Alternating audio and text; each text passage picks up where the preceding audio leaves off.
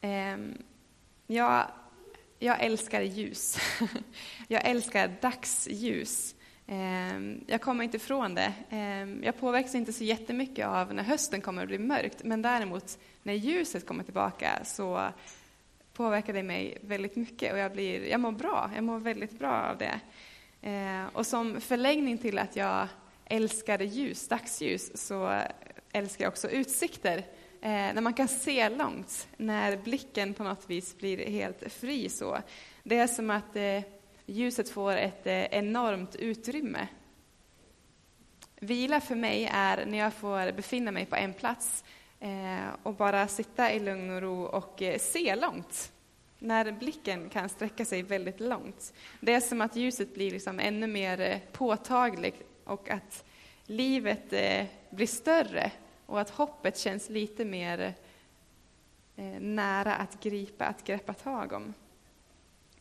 Jag längtar, jag hoppas någon gång i livet att jag ska få bo på en plats där jag kan ha ett eget litet hörn i ett uterum eller i ett hus med stora fönster framför och det finns ett, ett landskap framför mig. som jag kan bara kan sitta där i min fåtölj och bara njuta och bara se långt eh, och ha en härlig stund. Så. Det är också så som jag Eh, föredrar att eh, förbereda mina predikningar eh, på en sån plats. Och just den här predikan har till stor del skrivits hemma i mina svärföräldrars hus framför ett fönster på tredje våningen kan man nog säga, med utsikt över åkrar och skog och sjö nedanför. Men det här med ljuset, det är inte, det är inte bara någonting visuellt. Ehm, jag upplever att det gör någonting med min ande också ehm, jag upplever att eh, när eh, jag får ta del av dagsljuset på ett sådant sätt och det här vidsträckta landskapet så, så blir jag, jag upplever mig vara vidöppen och mottaglig för Guds ande att verka. Det, det känns lättare för mig. Det är som att även mina sinnen ser klart. Eh, I alla fall klarare. Ehm, det är som att det, det visuella, det jag har framför mig, bereder marken för det metafysiska, det som inte kan förklaras med ord. Ehm, det var inte så svårt för mig att engageras av den texten som, eh, som den här predikan bygger på. Den kommer från första Johannesbrev. Eh, vi kommer alltså ägna fyra söndagar åt första Johannesbrev. Eh, nästa söndag, som ni hörde, då är det supersöndag, men vi inleder den här söndagen eh, och sen därefter så kommer ni få lyssna till Tobias Jansson och Christian Svan och Fredrik Lindé när de fortsätter att tala över första Johannesbrev med lite olika eh, vinklar eller infallsvinklar på det. Eh, de verser som jag har tänkt fokusera på finns inledningsvis i, i brevet, ett ganska långt stycke. Eh, och jag tänkte att jag vill läsa det här stycket för er. Eh, det är längre än de bibelord jag kanske brukar läsa för er, så, men jag hoppas att ni kan hänga med. Eh, det är från första Johannesbrev 1 till 1.1 till 2.11. Och det kommer komma på väggen. Jag läser. Det som var till från begynnelsen, det vi har hört, det vi har sett med egna ögon, det vi har skådat och har tagit på med våra händer, det är vårt ärende, livets ord. Ja, livet blev synligt, vi har sett det och vi vittnar om det och vi förkunnar för er det eviga livet som var hos Fadern och som blev synligt för oss. Det vi har sett och hört förkunnar vi för er, för att också ni ska vara med i vår gemenskap, som är en gemenskap med Fadern och hans son Jesus Kristus. Detta skriver vi för att vår glädje ska bli fullkomlig. Och detta är det budskap som vi har hört av honom och förkunnar för er, att Gud är ljus och inget mörker finns i honom. Om vi säger att vi har gemenskap med honom men vandrar i mörkret så ljuger vi och handlar inte efter sanningen. Men om vi vandrar i ljuset, liksom han är i ljuset, då har vi gemenskap med varandra och blodet från hans son Jesus renar oss från all synd. Om vi säger att vi är utan synd bedrar vi oss själva och sanningen finns inte i oss. Om vi bekänner våra synder är han trofast och rättfärdig så att han förlåter oss synderna och renar oss från all orättfärdighet. Om vi säger att vi inte har syndat gör vi oss till lögnare och hans ord finns inte i oss. Mina barn, detta skriver jag till er för att ni inte ska synda. Men om någon syndar så har vi en som för vår talan inför Fadern, Jesus Kristus som är rättfärdig. Han är det offer som sonar våra synder och inte bara våra utan hela världens. Att vi har lärt känna honom förstår vi av att vi håller hans bud. Den som säger jag känner honom men inte håller hans bud är en lögnare och sanningen finns inte i honom. Men hos den som bevarar hans ord har Guds kärlek i sanning nått sin fullhet. Då vet vi att vi är i honom. Den som, den som säger att han förblir i honom måste själv leva så som han levde. Mina kära, vad jag skriver här är inget nytt bud, utan ett gammalt som ni har haft från början. Detta gamla bud är ordet som ni har fått höra. Ändå är det jag skriver ett nytt bud. Det visar både hans och ert liv. Ty mörkret viker och det sanna ljuset lyser redan. Den som säger sig vara i ljuset men hatar sin broder är ännu kvar i mörkret. Den som älskar sin broder förblir i ljuset och har ingenting inom sig som leder till fall. Men den som hatar sin broder är i mörkret, han vandrar i mörkret och vet inte vart han går, ty mörkret har gjort hans ögon blinda. Den här texten sätter ljus och mörker i kontrast till varandra. Gud är ljus. Och har vi gemenskap med honom så vandrar vi i ljuset. Men det är också möjligt att vandra i mörkret. Mörkret är kopplat till synden, till den onde. Ljuset är sammankopplat med sanningen. Mörkret däremot gör oss blinda. Mörkret gör det omöjligt för oss att se vart vi går. Det som jag finner är intressant i den här texten, det är den här paradoxen mellan att leva, att vandra i ljuset, i gemenskap med Gud, men samtidigt vara fullt medveten om verkligheten av synden i mitt liv. Synden har ju ingen plats i ljuset, men vi är ändå ämnade att vandra i ljuset, men vi kan inte leva ett syndfritt liv, inte ens efter att vi har blivit frälsta. Om Gud så säger Johannes, Gud är ljus. Paulus säger om Gud, han som bor i ett ljus som ingen kan nalkas, han som ingen människa sett eller kan se. Jakob säger om Gud, himlaljusens fader, hos vilken ingen förändring sker och ingen växling mellan ljus och mörker. Gamla testamentets berättelser visar på att ingenting ofullständigt eller ofullkomligt kan bestå inför Gud.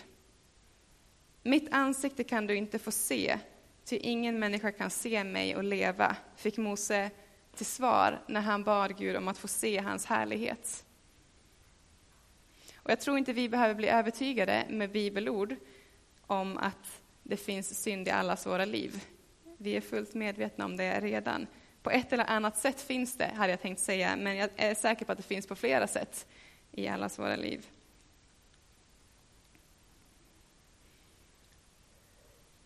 Det är inte bara på ett sätt som vi lever egoistiskt eller gudsfrånvänt.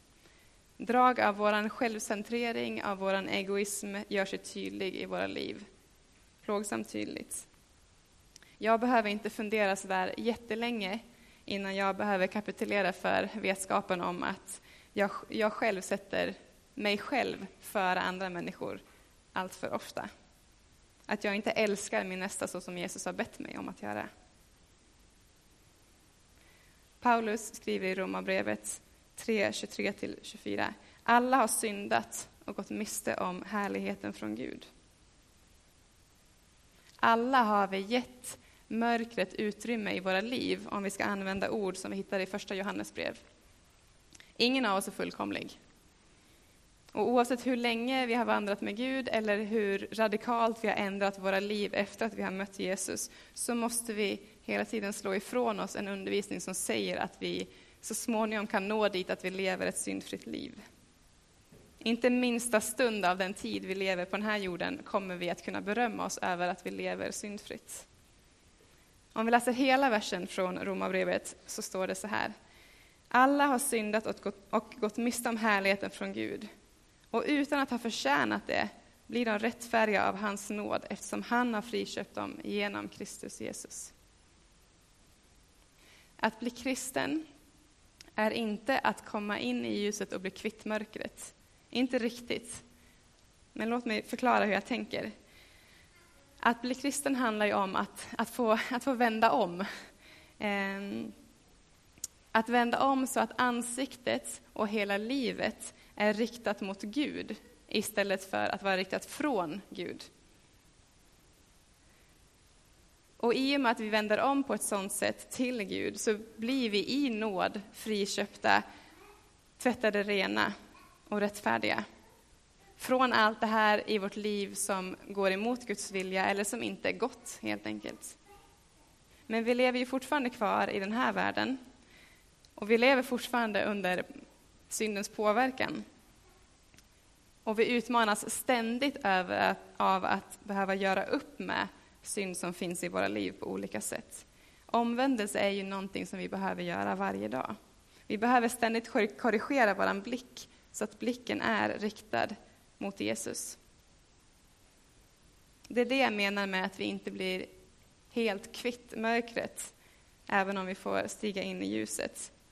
Vi behöver ständigt vända oss helt mot Gud, så att ljuset får lysa över hela våra liv, så att ingen del av våra liv faller i skugga.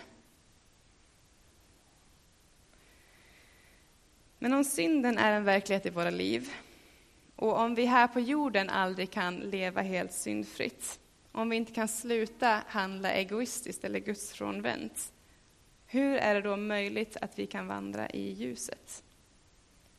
Mörkret hänger ihop med synden och våra liv kan inte bli helt syndfria.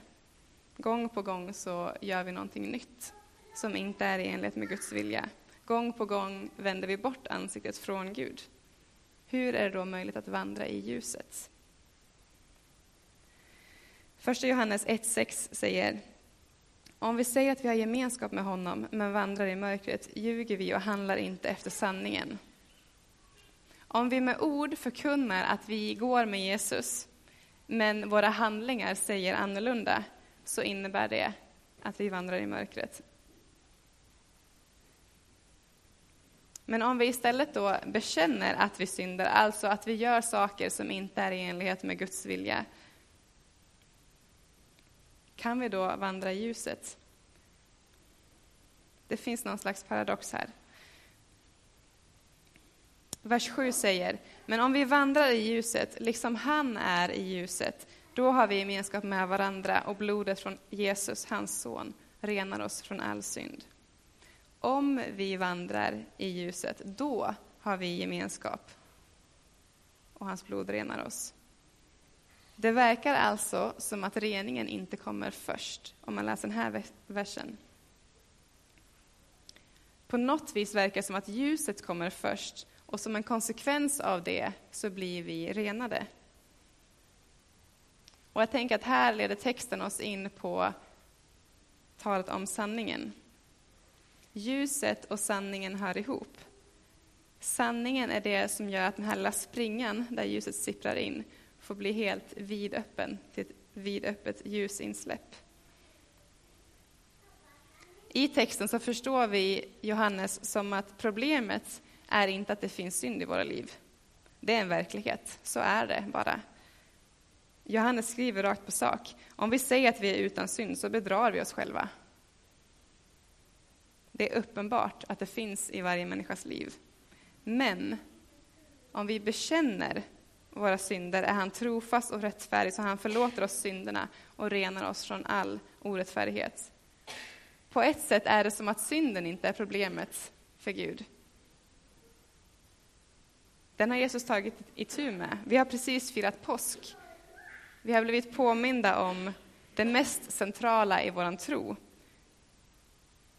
Att Jesus valde att ta allt det vi har gjort, allt det vi tänker, allt det vi handlar, all vår synd på sig för att dö för vår skull och rädda oss in i en gemenskap med Gud. Synden är i och med det raderad i våra liv.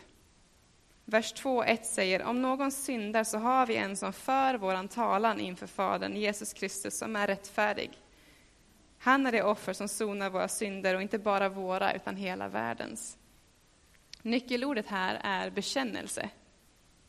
Vad som krävs för att nåden ska bli verksam i våra liv och synden ska raderas, det är bekännelse. Om vi säger att vi är utan synd bedrar vi oss själva och sanningen finns inte i oss. Gud vet hur mitt liv ser ut, han vet hur ditt liv ser ut. Han är egentligen inte i behov av att vi berättar det för honom, för han vet redan. Men det är genom vår egen bekännelse som nåden blir verksam. Om vi säger att vi har gemenskap med honom men vandrar i mörkret så ljuger vi och handlar inte efter sanningen. Om vi säger att vi inte har syndat gör vi honom till en lögnare. Hans ord finns inte i oss. Men om vi bekänner våra synder är han trofast och rättfärdig så att han förlåter oss synderna och renar oss från all orättfärdighet.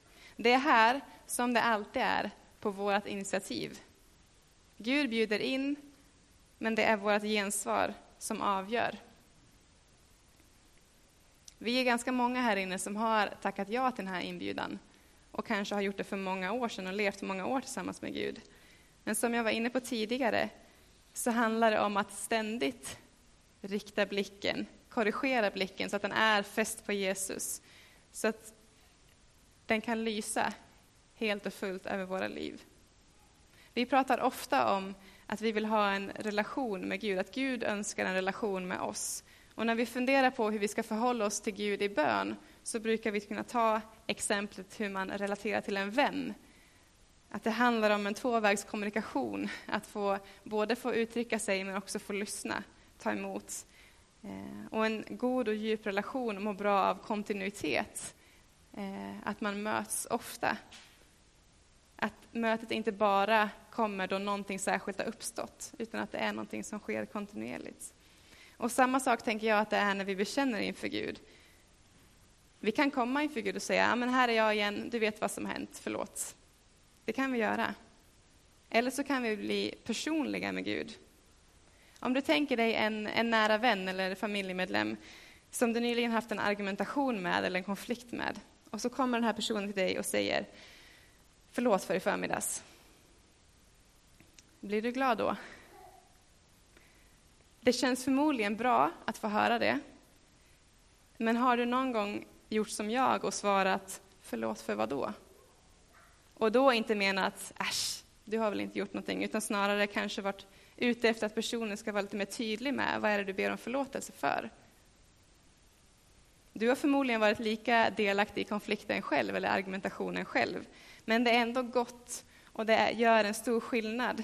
Det har betydelse om personen är specifik med vad den ber om förlåtelse för. Jag vet att jag uppskattar ännu mer att få höra till exempel, förlåt att jag snäste av dig i morse när du bad mig röja upp i vardagsrummet. Jag hade nyss fått ett irriterande sms och jag var upprörd. När man är mer specifik och tydlig. Vi kan komma inför Gud med vår bekännelse i generella termer och be om förlåtelse. Gud hör, hans nåd är verksam och vi blir befriade. Men om vi sätter ord på det vi ber om förlåtelse för, om vi kan vara specifika och tydliga, så är det som att även nåden blir tydlig, ännu mer tydlig, och befrielsen ännu mer tydlig. Om du någon gång har bekänt någonting inför Gud, eh, bett om förlåtelse för en situation som har uppstått eller liknande och varit tydlig med beskrivningen av det som har skett, så har du också förmodligen upplevt att det är ännu lättare att lämna det där och då vid korset, att gå befriad därifrån. För Gud har ju lovat oss att om vi bekänner inför honom och ber om förlåtelse så befriar han oss från den bördan som har legat på våra axlar. Vi får lämna den vid korset och vi får gå därifrån fria. Och har du någon gång tagit hjälp av en vän när du har bett om förlåtelse till Gud, en vän som har fått lyssna till din bekännelse, så har du också en person som kan påminna dig om att du har lämnat det där vid korset. Lyft inte upp den bördan igen. Att göra bekännelsen personlig och tydlig, det fördjupar relationen med Gud, precis som den fördjupar en relation med en vän. Men det gör det också enklare för oss att låta det ligga kvar vid korset och inte lyfta upp det igen. Kanske har du, som jag, bett om förlåtelse för en och samma sak många gånger. Tagit upp det gång på gång och bett om förlåtelse. Gud hörde dina och mina ord första gången och nåden verkade redan då. Men det egna samvetet gör att vi plockar upp det gång på gång och ber om förlåtelse gång på gång. Vid en sån situation så är det väldigt bra att ha hjälp av en vän, eller en mentor eller en pastor och bekänna när den personen är närvarande. För just då finns det ju en person som kan påminna dig om att du har bett om förlåtelse. Du är förlåten, du är fri. Låt det ligga nu och gå i frid.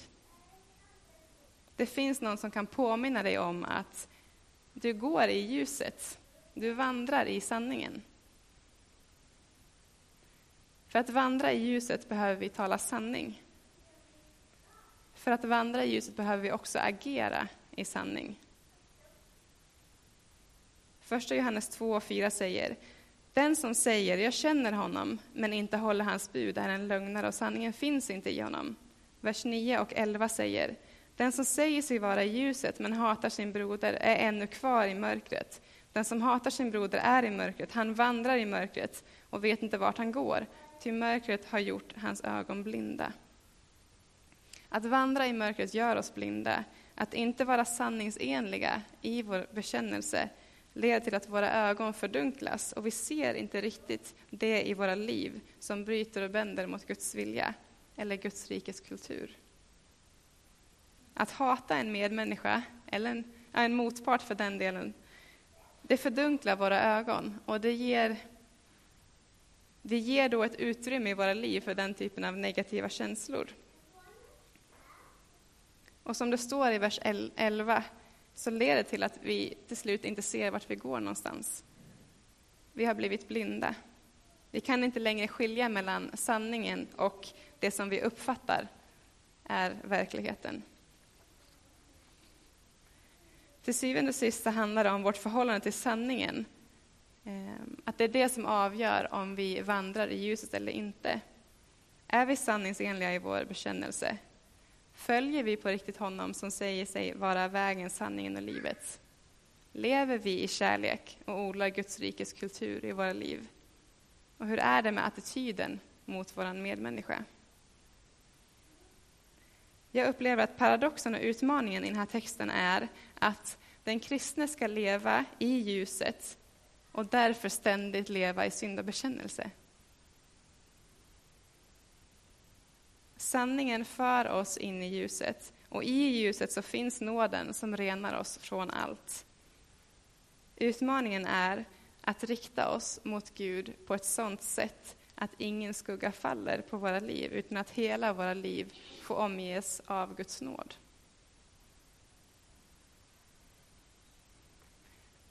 Vi ber tillsammans.